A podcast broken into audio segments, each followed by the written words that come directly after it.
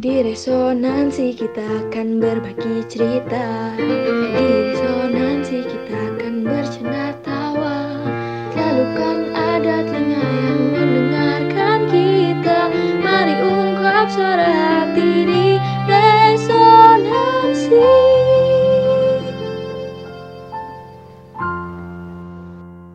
Balik lagi bareng kita di Resonansi Cerita, cerita Satukan, kita. Saya Eka. dan saya Patrick.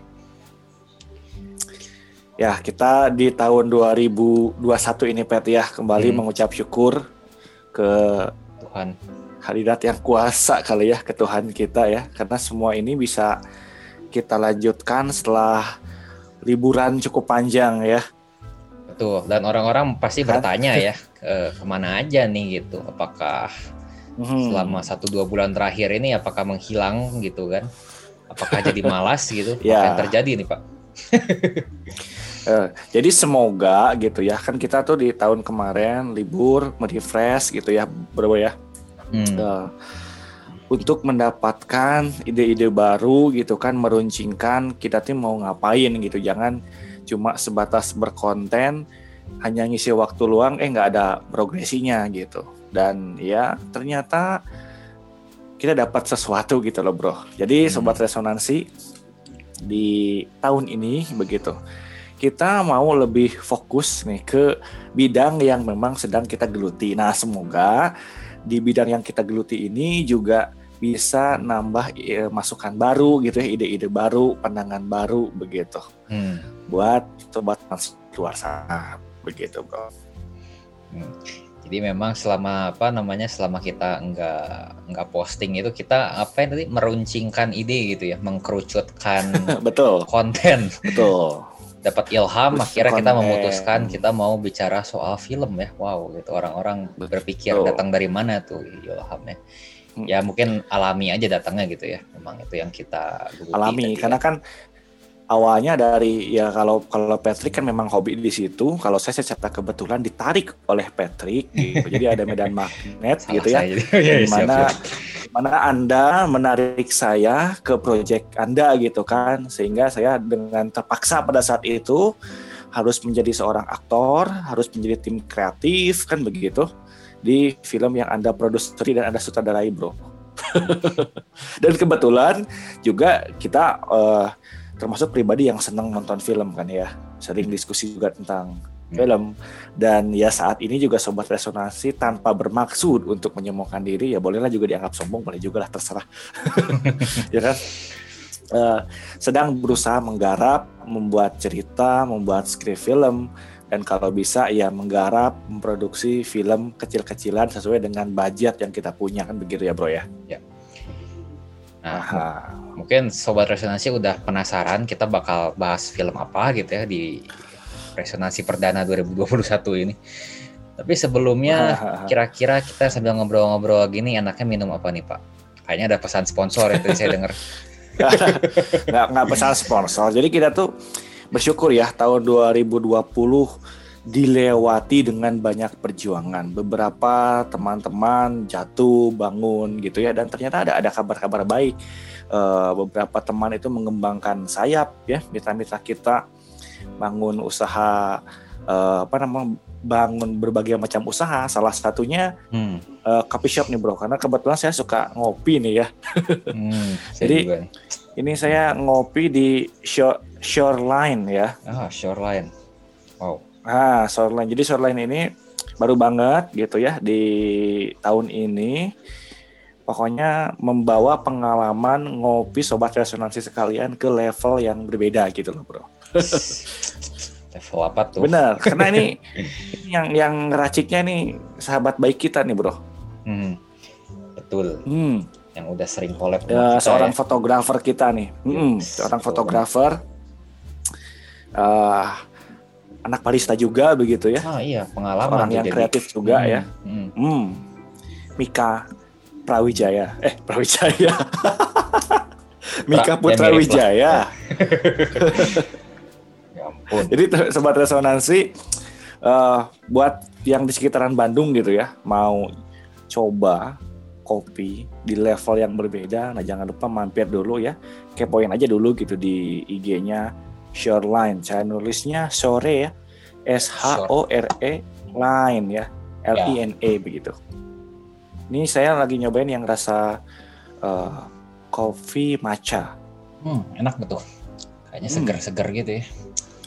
Udah ada rempah-rempahnya gitu loh bro. Oh, rempah-rempah. Tapi nggak mau ngomong soal kopi, saya sih nggak kepengaruh ya kata orang kalau ngopi itu nggak bisa tidur. Ah, saya tidur tidur aja. Hmm. beda lah, beda level itu baru. Ya, jadi hmm. jangan lupa mampir dulu, cobain nggak akan nyesel deh ya. Gua sendiri udah coba hmm. sih pak, rasanya yang berbeda gitu. Ya. Hmm. Gue ya kopi juga yang pisangnya tapi lucu ya.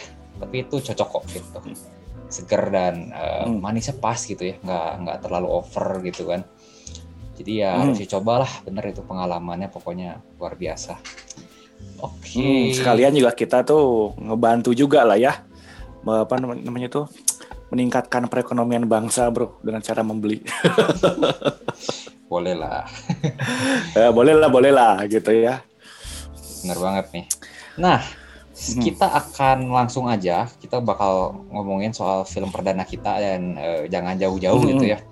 Karena kita bakal pertama-tama hmm. ngomongin satu film yang baru-baru ini cukup banyak dibahas gitu loh, supaya masih fresh juga lah. Film popcorn gitu ya bro ya. Tuh. Segala usia gitu ya bro ya. Segala, ya bisa dibilang lah ya.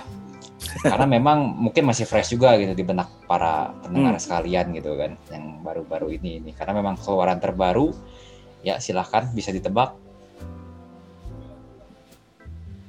Tidak lain dan tidak hmm. bukan adalah film sequel apa dari itu? apa ya? Ini tuh dibilangnya dikatakan sebagai film superhero uh, wanita pertama yang beken gitu loh. Nah, ini adalah hmm. kelanjutannya hmm. ya, Wonder Woman 1984.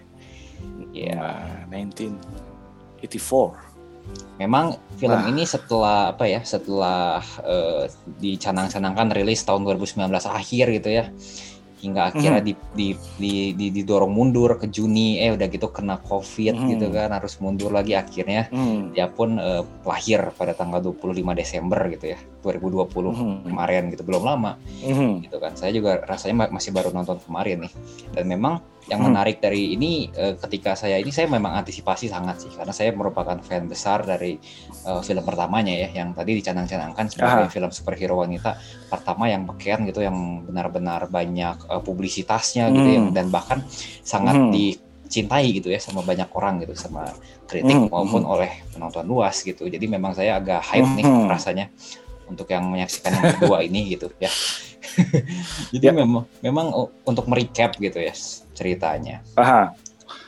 Di sini kita memang Jadi melihat, ceritain apa sih bro sebenarnya ini? Kita melihat kelanjutan dari kisah yang kemarin gitu ya. Tapi memang hmm. ini sangat terintegrasi sih sama yang pertama gitu ya. Memang yang di, di yang pertama hmm. itu uh, Wonder Woman kita gitu ya, si Diana. Hmm. Dia uh, kehilangan uh, apa namanya gebetan pacarnya lah si Steve Trevor gitu ya ketika mereka hmm. berdua di film yang pertama sedang mencoba menyelamatkan dunia ya Steve Trevornya inalilahi gitu kan Diana-nya karena superhero hmm. ya kan ya, ya selamat gitu tapi memang terbawa sampai hari ini gitu ya sampai film yang kedua ini puluhan tahun setelahnya loh Pak bayangkan ya puluhan tahun sebelumnya hmm. Diana ini belum move on ternyata dari ya pacarnya itu dan itu memang menjadi sumber konflik bagi film ini. Ya. Yeah. At the apa ya, at the heart, at the center of it adalah cerita memang uh, dia nggak bisa move on dan sehingga ketika satu hari ketika ya namanya superhero ini merasa punya tanggung jawab menyelamatkan sini itu satu hmm. kali ketika dia Dan. menyelamatkan sebuah mall gitu ya dari sebuah perampokan hmm. ada toko yang menjual hmm. memang barang-barang ekso eksotis um, arkeologi seperti itu gitu ya dan ada satu hmm. barang yang ternyata ditemukan uh, sebuah batu gitu ya batu bertuah atau apa ya. dia bisa memiliki kekuatan magis untuk mengabulkan uh, permintaan apa pun gitu ya dari siapa pun hmm. yang dekat batu itu berbicara kepada batu itu gitu dan memang Diana jadi dan kayak kayak Genie batu ya. akik gitu bro batu akik emang gitu saya baru tahu lah ya mungkin di kan mewujudkan gitu ya. permohonan ya hmm. saya sih mikir kayak Jin ya tapi memang ini uh, permohonannya nggak cuma tiga gitu ya dan nggak bisa ngomong hmm. saja batu itu dan memang batu ini me mengubah hmm. kehidupan Diana dan teman-teman di sekitarnya gitu pertama-tama yang mencoba hmm. batu ini secara tidak sengaja gitu ya karena dia juga coba-coba kan nggak hmm. tahu bahwa ini beneran gitu kekuatan dia coba-coba gitu ya nggak sengaja dia tebak hmm. dia pengennya apa gitu tebak dia keinginannya apa ya jelas kali ya setelah yang tadi saya ceritain bahwa dia belum move on yang dia pengen ya untuk bisa ketemu lagi gitu kan sama si Steve hmm. itu yang dia mau itu yang dia dapat juga tanpa disangka-sangka tapi pada pada waktu yang sama memang orang-orang sekitar dia juga mengharapkan hal-hal lain juga gitu seperti contohnya hmm. nih ada si tokoh antagonis ini yang awalnya nggak antagonis sama sekali tapi dia memang temannya gitu ya teman perempuannya yang istilahnya kalau di sini mah nerd gitu ya uh, tidak keren gitu kan kutu hmm. buku kesannya namanya Barbara si Barbara ini hmm. Berharap untuk bisa menjadi seperti Diana gitu, punya confidence gitu ya, punya kecantikan dan seterusnya gitu. Dan tebak apa dia juga dapat hmm. itu. Besoknya dia punya ini itu, merasa lebih pede. Tapi yang dia nggak tahu memang ketika dia meminta menjadi seperti Diana ya dia juga dapat super power jadinya. Tapi itu kan dia nggak tahu ya awalnya. Tapi itu dia dapat juga. Hmm, yang dimintanya aja kegedean gitu ya bro ya? Sedikit overestimated gitu. Dan satu lagi yang penting ini ya, permintaannya si Maxwell Lord gitu. Dia ini terkenal sebagai orang yang sering muncul di TV gitu ya. Seorang pengusaha hmm. minyak gitu. Tapi memang itu ternyata semua hanyalah palsu gitu. Diam-diam dia sebetulnya banyak utang, orang menganggapnya sebagai penipu gitu ya, sebagai bisnismen hmm. itu. Jadi dia melihat anaknya gitu, dia punya anak laki-laki, melihat dia seperti nggak jadi teladan gitu, itu menyakiti hatinya gitu. Hmm. Dan hmm. ya for some reason dia tak tahu keberadaan batu ini yang punya kekuatan magis itu sehingga satu kali dia men mencoba untuk menemukan si Barbara gitu ya yang waktu itu lagi memegang batu ini dan dia memanipulasi Barbara sehingga si Barbara ini ngasih ke si Maxwell Lord batu itu. Maxwell Lord permintaannya ini paling gila menurut saya. Dia pengen berubah menjadi batu itu gitu. Tapi lucunya hmm. memang e, ketika dia mendapatkannya dia dia nggak dia dia nggak jadi batu gimana sih? Tapi dia memang punya kekuatan dari batu itu. Dia tetap manusia gitu maksudnya. Tapi dia hmm. punya kemampuan untuk memberikan e, wish bagi orang lain gitu ya. Seperti hmm. itu maupun mengabulkan gitu ya, Bro ya. Hmm ya. Mm-hmm. Jadi, jadi uh, itu semua menimbulkan segala macam konflik gitu ya karena memang di di tangan Maxwell Lord ini batu itu punya kekuatan yang sangat destruktif gitu, di mana dia pengen lebih dan lebih mm. gitu. Cara dia itu memanipulasi mm. orang lain untuk ya gimana ya? Dia nanya ke orang lain apa yang kamu mau, apa yang kamu mau, apa yang kamu mau, apa yang kamu harapkan gitu kan. Dia nanya ke, ke orang sebanyak-banyaknya. Ya pasti orang kasih tahu lah ya, dia share gitu kan keinginannya apa. Mm si Maxwell Lord sebagai batu itu sekarang ya harus mengabulkannya. Tetapi orang-orang tanpa mereka ketahui ketika mereka mengharapkan sesuatu dari batu itu, diam-diam sebetulnya ada sesuatu yang batu itu atau dalam hal ini berarti kali ini kan si Maxwell Lord ya udah jadi batu itu. Hmm. Ada sesuatu yang batu itu atau dalam hal ini Maxwell Lord ambil dari mereka kembali gitu loh. Sesuatu yang berharga hmm. dari mereka gitu itu adalah uh, trade off-nya bayaran yang orang-orang nggak tahu gitu loh ketika mereka yeah. berharap menginginkan tersebut begitu kan. Dan jadi nggak cuma-cuma ya bro ya? Hmm, Diana pun sebetulnya jadi korban terhadap ini gitu loh ya. Uh, hmm. dia memang senang awalnya gitu kan. Bisa pacaran lagi nggak kesepian lagi gitu ya. Tetapi hmm. tebak apa gitu. Ternyata ya itu batu itu mengambil sesuatu darinya. Dalam hal ini ditunjukkan ya power dia gitu loh. Power dia untuk dapat mm. tahan dari uh, serangan peluru dan sebagainya gitu kan. Jadi memang dalam investigasi si Diana terhadap Maxwell Lord ini kan uh, memang dapat banyak sekali apa namanya perlawanan ya dari si Max gitu ya. Karena si Max itu mm -hmm. punya kekuatan mengabulkan keinginan sekarang dia bisa dapetin apa yang dia mau gitu loh. Dia mau punya mm -hmm. private army dia punya buat melawan si Diana yang mencoba me itunya. Ya jadi memang seperti itu sih. Ini menurut saya memang cerita yang sangat penting gitu kan di masa sekarang kita banyak maunya Aha. gitu kan tetapi kita harus hati-hati gitu sebetulnya hati-hati kita mau apa ya. gitu kan hati-hati bisa jadi nah. itu cuma yang pengen yang, yang lu pengen aja gitu tapi lu sebetulnya nggak nggak butuh mm -hmm. gitu ya atau mungkin dalam proses tuh pengajaran lu ter, pengejaran lu terhadap hal itu mungkin lu akan kehilangan sesuatu yang sebetulnya lebih berharga gitu itu satu ya mm -hmm. dan memang di ya. akhir cerita juga kan kita mendapatkan bahwa ya itu si Diana tidak dapat mempertahankan si Steve lama-lama ya karena terlalu hmm. merugikan gitu ya istilahnya gitu. Hmm. Tanpa power dia dia nggak bisa menyelamatkan dunia dari Maxwell Lord dan hmm. si Barbara gitu yang setelah PD itu ternyata hmm. jadi jahat juga gitu kan. Um, hmm. Jadi ya dia harus mengorbankan Steve, dia men menarik kembali si harapannya ah. sehingga si Steve kembali mati gitu ya dari dunia ini ya sedih sih dia gitu tapi ya it's for the greater good lah gitu jadi ini memang cerita pengorbanan mm -hmm. juga in that sense gitu yang saya anggap sih gitu kan Aha. Jadi bro ini kan ceritanya uh, film superhero begitu ya. Tapi musuhnya itu bukan semacam monster atau alien atau sesuatu yang berkekuatan super juga tapi menggunakan untuk kejahatan bukan ya. Musuhnya ini cukup cukup uh, lain daripada yang lain ya hanya sebongkah batu gitu ya. ya sebetulnya ya kan? musuhnya ya bukan batu itu sendiri itu hanya apa ya hanya alat lah kalau kita manusia kenal sama ya. teknologi ya. kali ya tapi kan banyak yang yeah. bilang ya gimana orang yang memakainya ya itu sebetulnya netral gitu kan dalam hal ini memang orang-orang yang mm. memakainya itu seperti si Max seperti yang Barbara menyalahgunakan gitu sehingga mm. mereka menjadi antagonisnya mm -hmm. Jadi boleh boleh jadi musuhnya itu adalah keinginan kita sendiri ya atau uh, desire ya hasrat desire gitu kita, ya. Uh, desire kita yang cenderung ingin apa ya? Ingin ngecit gitu loh. Ngecit nasib. Mm -hmm. Mencari jalan pintas mm. gitu kan. Uh, seperti mm. yang Diana lakukan gitu loh. Protagonis kita pun punya kelemahan dalam hal ini in the sense bahwa ya itu ya mm. uh, udah mati gitu dia pengen hidup lagi itu tuh dia gambarkan sebagai cheating, curang sebetulnya.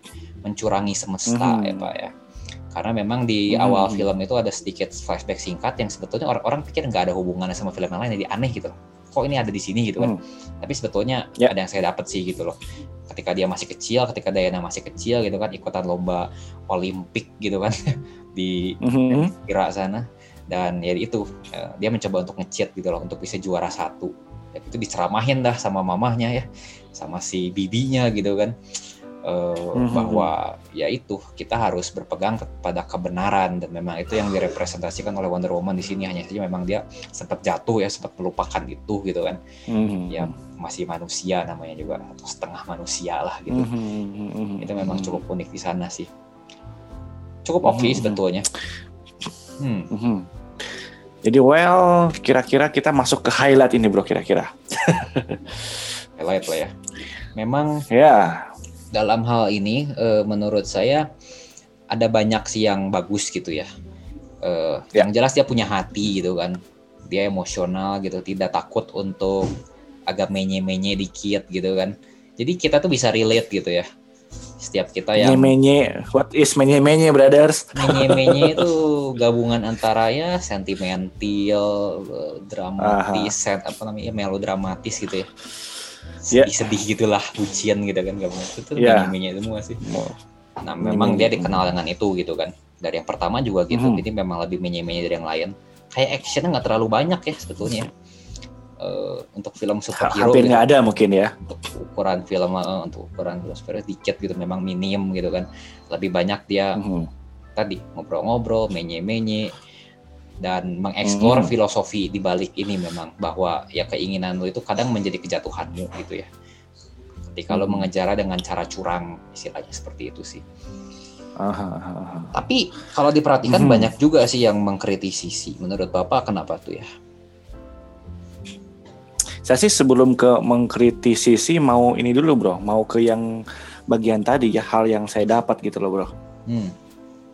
Hmm Hmm, Jadi aja? soal soal superhero ini ya ternyata ada hal yang kita kadang pengen ya jadi seseorang yang super power gitu kan. Hmm. Dan so, menjadi seorang yang super power itu seolah-olah ya bagus, enak gitu ya. Hmm. Tapi ada satu kalimat gitu ya ketika ketika dia Diana ngomong sama Barbara katanya Barbara eh, saya iri sama kamu. Lalu si Barbara bilang, hmm. serius, masa kamu iri sama saya gitu kan? Terus si yeah, yeah. Diana bilang, kamu sebenarnya tuh nggak tahu sebenarnya kehidupan saya seperti apa gitu kan? Hmm, ya. Yeah. Jadi itu ngajarin saya untuk apa ya kita sebagai pribadi yang mengucap syukur untuk apa yang kita hmm. punya gitu loh bro. Iya, yeah, iya hari ini kita sering kali comparing, hari ini kita sering kali melihat uh, uh, orang lain, gitu, menginginkan menjadi orang lain kan begitu. Dan ya ternyata menjadi superhero itu ada ada hole tertentu yang lu tuh dituntut untuk selalu bisa memenuhi, untuk selalu bisa mengerjakan kewajiban lu gitu ya. hmm. dengan kadang-kadang bukan kadang-kadang mungkin seringnya juga mengabaikan kebutuhan lo sendiri ya hmm. se sekarang yeah. apa pun gitu sekarang Sunda yeah. banget sekeras apa pun sehebat apa pun seorang Wonder Woman dia kan tetap perempuan tetap butuh kasih sayang dari lawan jenis kan nggak cuma perempuan nah, itu lah. yang buat Iya. Dan itu bagian yang menurut saya sangat menarik begitu. Bahwa ya tetap dia uh, hatinya terbuat dari apa ya dari bahan-bahan yang relatif lemah lah nggak terbuat okay. dari okay, okay. dari pribanium atau apalah itu gitu ya tetap nggak tahan banting juga gitu loh yeah, itu yeah. barangkali bagian yang ingin saya hmm. underline ya Hmm. Jadi jadi hatinya masih terbuat dari tisu-tisu atau jaringan-jaringan manusia ya yang membuat dia sebetulnya uh, rentan terhadap rasa-rasa yang manusiawi sekali gitu ya, seperti kesepian, betul, seperti penyesalan dan seterusnya ya. Mm-hmm. Ya. Mm-hmm. Tadi setuju banget sih. Jadi tapi... yang namanya superhero, yang namanya superhero hmm. itu bro, pada akhirnya bukan oleh karena kekuatan bisa ngangkat beban, bisa mengeluarkan mata laser, tapi ketika lu lebih mementingkan kepentingan orang lain daripada ego kita. Egonya hmm. Dayana kan ya pengen bareng sama Steve kan. Tapi hmm. Steve kasih tahu lepaskan gue sebab kamu membutuhkan saya tapi dunia lebih membutuhkan kamu ya Di akhirnya dipaksa dipaksa pilih kan nah itu superhero yang sesungguhnya wow ya kan ya. pengorbanan go ahead go ahead tadi mau hmm itu sih memang poinnya ya tadi sebetulnya saya hmm. mau lanjut apa namanya sambungkan dengan kritisisi tetap ya kayak okay, uh, okay. kenapa gitu kenapa film ini mayoritas hampir semua bahkan uh, saya sendiri jujur hmm. anggap lebih inferior itu ketimbang si pendahulunya gitu. Kira-kira apa saja faktor penyebabnya menurut Bapak? Hmm, hmm. Kalau menurut saya sih ya untuk yang dari sisi saya ya, hmm. dari sisi saya secara pribadi gitu ya, justru ini lebih bagus dari yang sebelumnya. Karena yang sebelumnya itu ya narasinya ordinary banget gitu biasa. Bahwa ada kekuatan jahat yang harus dilawan dengan kekuatan yang baik begitu. Dewa melawan dewa kan begitu. Yang ujung-ujungnya kan udah tahu pasti Wonder Woman menang kan begitu dari pokoknya mau gelut segimana gelut juga ya tetaplah. Ujungnya Wonder Woman menang. Tapi kalau yang ini menurut saya justru bagus karena dia tuh nggak melawan siapa-siapa gitu loh. Dia tuh melawan sesuatu yang nggak clean. Ya kan? Kalau kita lihat dari film yang kedua ini gitu. Hmm. hanya ya, mungkin ya. Uh, pasar lebih ya. mengharapkan zaman sekarang kan manja mata ya. Mata kurang dimanjakan dengan pertarungan-pertarungan itu gitu loh nah berhubung saya orangnya tuh nggak terlalu butuh hiburan dari efek visual gitu jadi bagi saya cerita jauh lebih bagus gitu cuman mungkin bagi beberapa orang yang mengharapkan efek visual yang keren gitu ya uh, pertarungan yang epic gitu ya mungkin ya mereka merasa ah, kurang ini mungkin kurang puas juga gitu itu saya kira yang bisa lagi? saya oh, oh itu ya, ya, ya. Itu sih bro memang kalau menurut saya uh, untuk cerita memang uh, ini tidak konvensional gitu ya itu setuju sejauh hmm. situ gitu dibanding yang pertama. Tapi uh, memang film ini kan nggak cuma ide ya, idenya memang ini lebih out of the box sih. Kayak saya pas nonton gila ini datang dari mana ini ide gitu kan, kepikiran begituan hmm. gitu. Pertanda bagus secara konsep. Tetapi saya harus argue bahwa eksekusinya justru berkebalikan gitu dan saya pikir eksekusi yang pertama itu memang lebih oke okay, sehingga orang-orang menganggapnya juga lebih oke okay, begitu. Karena kalau hanya mengomongin apa jumlah pertarungan ada berapa, saya hitung hampir sama bahkan yang ini lebih dari lebih satu loh kalau saya hitung bener yang ini tuh ada empat hmm. ada empat fight scene gitu saya hitung ya yang besar gitu yang yang, yang hmm. tergolong signifikan yang pertama film pertama itu fight scene yang signifikan tiga lah itu hmm. lebih banyak yang ini sebetulnya tetap tapi ada satu hal di mana eksekusi di sini ada beberapa yang saya pikir agak misstep gitu loh detail-detail perintilan-perintilan yang ketika diakumulasi gitu ya jadi problematik hmm. gitu kita mulai hmm. satu ya dan ini mungkin sedikit ngomongin kontroversi sih. Kontroversi terkait okay. um, apa namanya? Bagaimana Wonder Woman ini selayaknya bersikap sebagai hero gitu karena uh, ya itu ya hero harusnya mencerminkan suatu hal yang universal yang istilahnya terpuji gitu kan ya bisa diterima hmm. gitu kan menjadi teladan gitu kan itu sifat hmm. inherent dari mereka dan semua fans pasti tahu itu ketika ada satu sifat okay. itu hilang atau ada satu perilaku yang kayak dipertanyakan gitu ya moralnya gitu ya atau etikanya gitu hmm. kan orang jadi hmm. ada yang protes atau sesenggaknya pas nonton tuh jadi ke distract gitu loh bukannya menghayati ah. ceritanya tapi justru lebih ke arah berasa kenapa gini ya kenapa hero gue jadi gini ya kayak gitu loh jadi agak hmm. susah percaya. Dan saya pikir ada satu hal di, di film ini di mana memang para penulisnya mengambil uh, apa ya jalan yang penuh resiko. Yaitu dia mengembalikan si Steve kan ya dari kematian. Kita tahu itu ya. Uh, karena hmm. Diana berharap itu pada si batu bertuah itu. Tapi anehnya si Steve ini kembalinya itu ter, itu dalam tubuh uh, orang lain gitu loh. Orang lain yang yang yang udah hidup sebelumnya gitu. Jadi bukan dalam tubuhnya sendiri gitu kan ya Hmm. Itu pertanyaan itu menimbulkan banyak sekali pertanyaan gitu loh. Seperti satu, hmm. kenapa si Diana masih kayak fine fine aja gitu loh. Ketika ada kehidupan satu orang lain yang memang sih mungkin nggak kenal ya, dia taunya sama Steve terlalu happy hmm. gitu kan. Tapi dia nggak pikirin orang hmm. lain itu nasibnya gimana? Apakah dia mati suri atau masuk semacam ke purgatory gitu ya?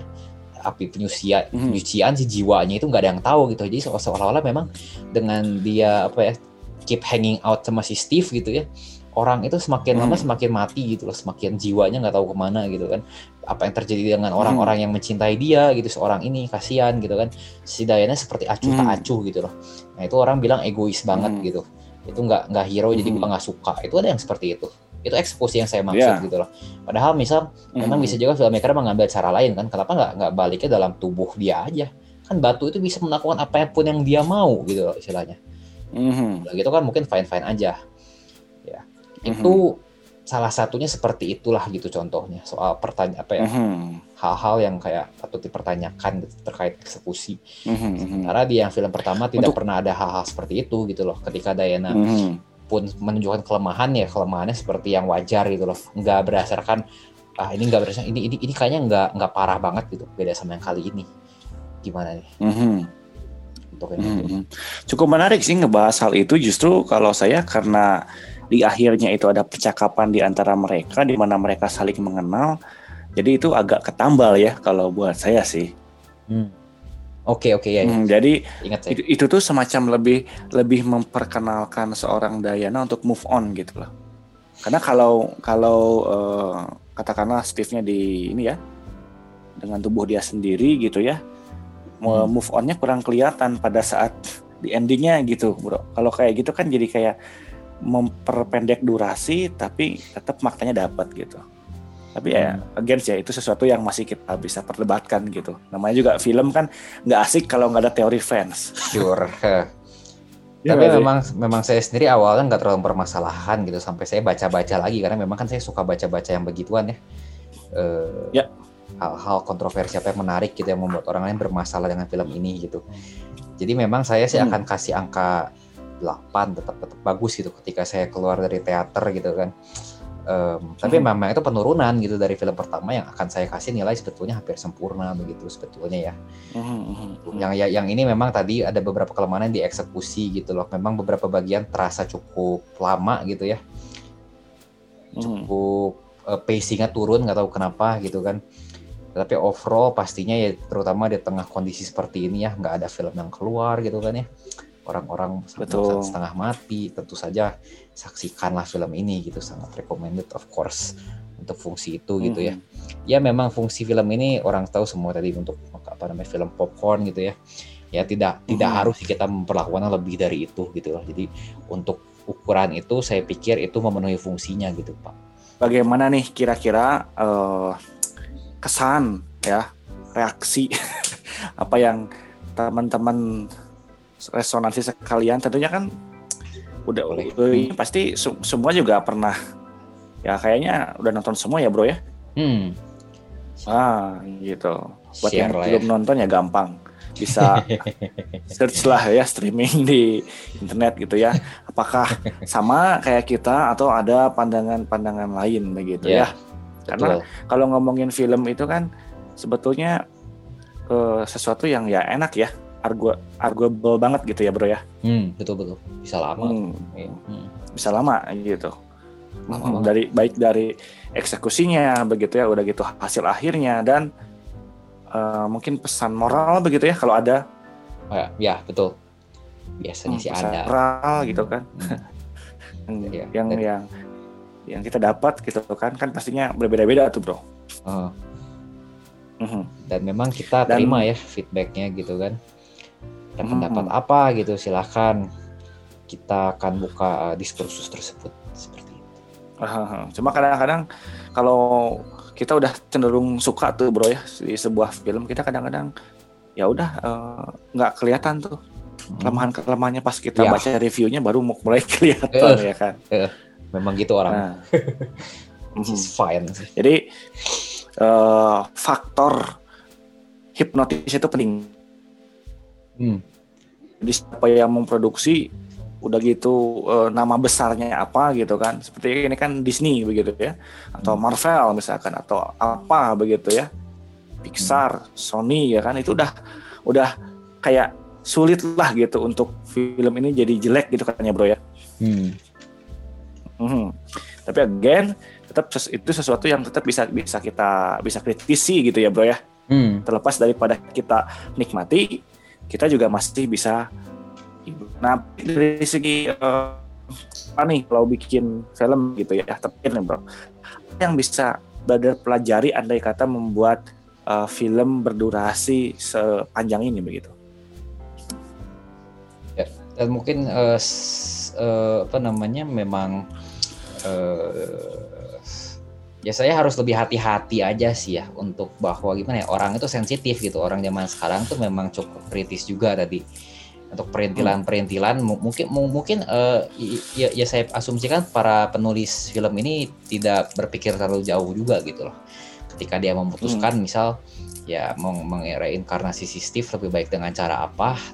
Tubuhnya sendiri atau hmm. dengan cara body apa namanya body horror seperti ini gitu ya itu keputusan-keputusan hmm. harus mereka ambil gitu dan saya harus lebih sensitif aja sih gitu karena memang ya memang sih kita nggak boleh terlalu kebawa ke pengaruh omongan orang lain tapi ya kalau terlalu buruk juga akan kacau juga ya terhadap pasar gitu kan terhadap komersialnya hmm. gitu ini hal-hal yang harus kita pertimbangkan tetap gitu jadi berikutnya kita hmm. bikin harus lebih memperhatikan perintilan-perintilan sih saya pikir seperti itu jangan hmm. hanya fokus pada gambaran besar tapi detail-detail juga gitu karena itu penting dan orang akan hmm. banyak memperhatikan zaman sekarang. Oke bro, terakhir dari saya nih kira-kira nih ya Indonesia nih ya kita langsung aja ke perfilman Indonesia. Uh, ya kapasitas nggak nih kira-kira mampu nggak menandingi gitu atau ya menyamai lah begitu ya uh, suguhan film seperti ini kira-kira. Tapi punya optimisme seperti apa terakhir? Ini optimisme Supaya kita kan nggak sebagai sebagai anak bangsa nggak hanya menikmati gitu, tapi kan kita juga jadi terstimulasi untuk membuat hal yang sama atau bahkan lebih baik gitu loh, bro. Hmm. Optimisme saya tinggi sih karena memang apa namanya baru-baru ini saya juga mulai apa, banyak menonton gitu ya cintai perut dalam negeri teh kan. Uh, dan saya cukup terkesan begitu ya. Memang memang uh, beberapa aspek cukup memprihatinkan ya. Kalau kita lihat ya. visual ya. efeknya begitu itu sangat memprihatinkan hal-hal begituannya begitu. Tapi itu kan memang hmm. uh, itu mah istilahnya apa ya? Itu mah detail lah gitu istilahnya gitu ya. Mm-hmm. Tapi kalau dari segi apa namanya kapasitas uh, filmmakers kita untuk menceritakan cerita yang koheren, memiliki makna, memiliki pesan moral, bahkan bisa menyentuh, saya pikir kita punya potensi kok pak memang mm-hmm. tapi semua orang gitu ya semua filmmaker harus sama-sama satu visi bahwa ya mereka akan kembalikan untuk negeri pada akhirnya dan terus belajar saya pikir itu di tengah kesulitan mm-hmm. gitu di tengah mungkin uh, keterbatasan juga gitu jangan meninggalkan negeri gitu ya jadilah seperti mm-hmm. Habibie lah kalau memang mau berkontribusi dengan cara itu gitu ya Uh, hmm. dia tidak menerima apa-apa gitu ya, bahkan ya di, di apa namanya diperkus di, di dipersulit gitu ya oleh pemerintah waktu itu tapi dia tetap cinta hmm. gitu kan itu mungkin hmm. hal paling penting yang bisa kita pelajari gitu dan memang untuk ke hmm. depan-depannya kita juga akan masih banyak ngobrol gitu ya untuk judul-judul lainnya yang lebih beragam hmm. nantikan dan kita tunggu jika jika ada sobat di luar sana yang mau apa namanya membagikan pengalaman yang menonton ini setujukah tidak setujukah hmm. ya bisa mengirimkan Atau minta mereview film apa gitu ya ya bisa mengirimkan email ah. ke resonansi podcast kita gmail.com masih sama itu mah ya hmm. dan kita tunggu Tetap untuk edisi ya, ya. selanjutnya harus dong oke kita akan tutup hmm. Baik, kita akan tutup. Biarlah cerita, kita satukan, satukan kita. Kita. See, See you, the next episode. Episode. Bye. Thank you, brother. Thank you. Bye bye.